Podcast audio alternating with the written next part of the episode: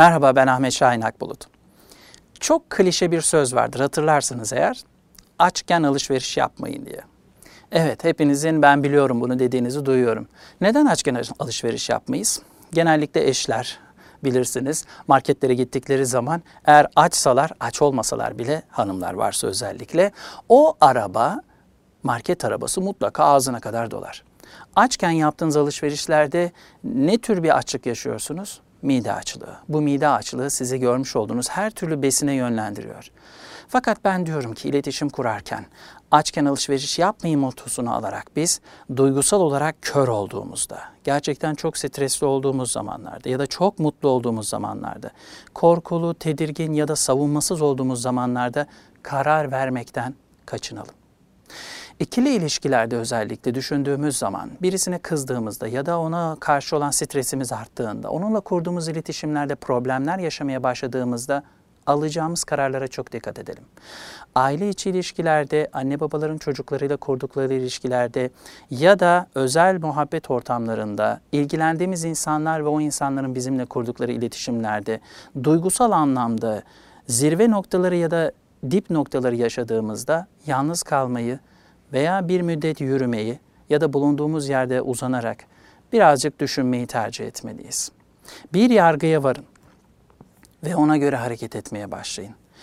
Bu konuda ben şunu söylüyorum. İnsanlar 4-2-1 kuralıyla insanlarla çok doğru iletişim kurabilirler. Ne demek bu 4-2-1? 4-2-1 şu. 4 dakika insanlara karşı konuşun. Onlarla olan problemlerinizi onlara anlatın. Ne tür bir iletişim sorunu yaşıyorsanız onu konuşun. Ya da karşı tarafın problemleri neyse onu konuşun. İsterseniz bu konuda bir baba ve bir çocuk örneğini ele alalım. Bir baba evladına yapmış olduğu nasihatlerde sürekli konuşmaya devam ettiği sürece çocuk dinlemeyecek ve arkasını dönüp gidecektir. Biz burada şöyle söylüyoruz. Bir baba evladına sadece 4 dakika konuyla alakalı problem neyse bununla ilgili nasihatini yapsın. Daha sonra evladına bir soru yöneltsin. Soruyu yönelttikten sonra cevabı için iki dakika ayırsın. İki dakika çocuğunu gerçekten dinlesin. İki dakika sonra da bir dakika geri bildirim sunsun. Şimdi ilgilendiğiniz insanları düşünün. Çevrenizde problem yaşadığınız insanları düşünün. Bu bir komşunuz olabilir ya da size emanet edilmiş herhangi bir insan olabilir. Bu insanlarla kurduğunuz iletişimlerde en çok kim konuşuyor?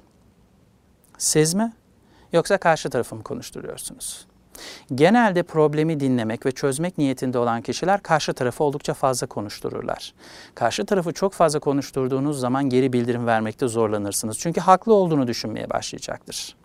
Oysa siz nasihat eden taraf olarak, problemi gören ve ilgilenen kişi olarak konuşan kişiden iki kat fazla konuşmalısınız. Yani dört dakika konuştunuz, nasihat ettiniz. Şimdi soru sırası geldi.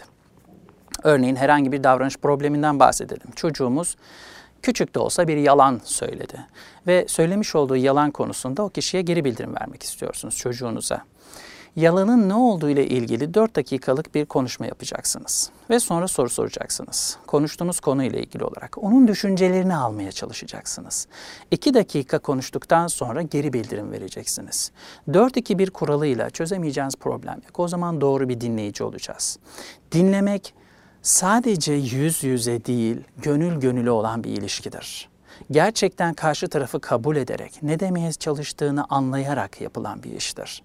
Sanki o kişinin göz bebeklerinde bir ayna var ve o aynada kendimi izliyormuşum gibi göz bebeklerine bakarak ve gönlümü ona katarak onunla yapmış olduğum ilişkili dinleme ancak bir sonuca ulaşabilir. Dinleme kulaklı olmaz.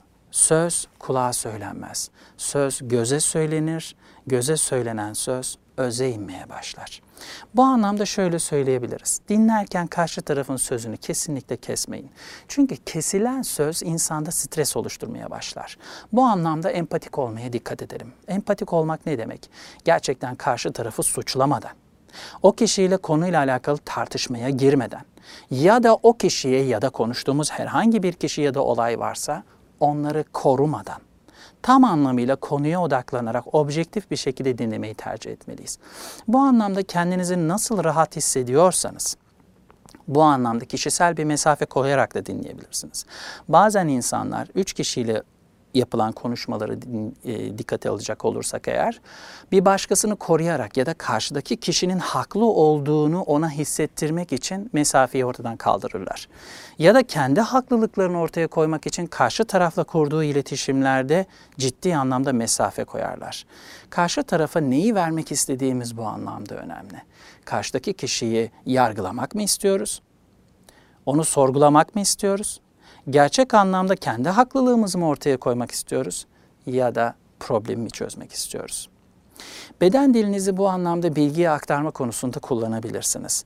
Özellikle mimikleriniz bu konuda çok önemli. Çünkü ikili ilişkilerde Türk toplumu olarak biz jestlerimizi çok fazla kullanmıyoruz. Daha çok kullandığımız alan mimiklerimiz oluyor.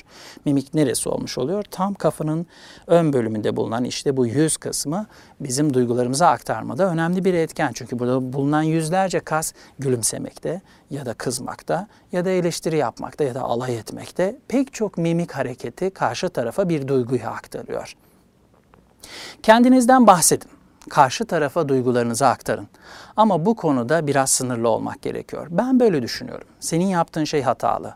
Ben böyle olduğunu sanıyorum. Ben böyle okumuştum. Sen yanlış yapıyorsun gibi sürekli ben dilinin olmuş olduğu ve sürekli haklı olduğunuzu gösteren konuşma biçimleri karşı taraflı olan kurduğunuz iletişimi ne yapacaktır? Bir süre sonra bozmaya başlayacaktır. Kişinin konu dışında söylemiş olduğu şeylerde de tartıştığınız ya da iletişim kurmakta olduğunuz noktalarda dinlerken konu dışına ta- taştığında o kişiyi konuya doğru çekmeyi de ne yapmalıyız? Profesyonel anlamda bilmeliyiz.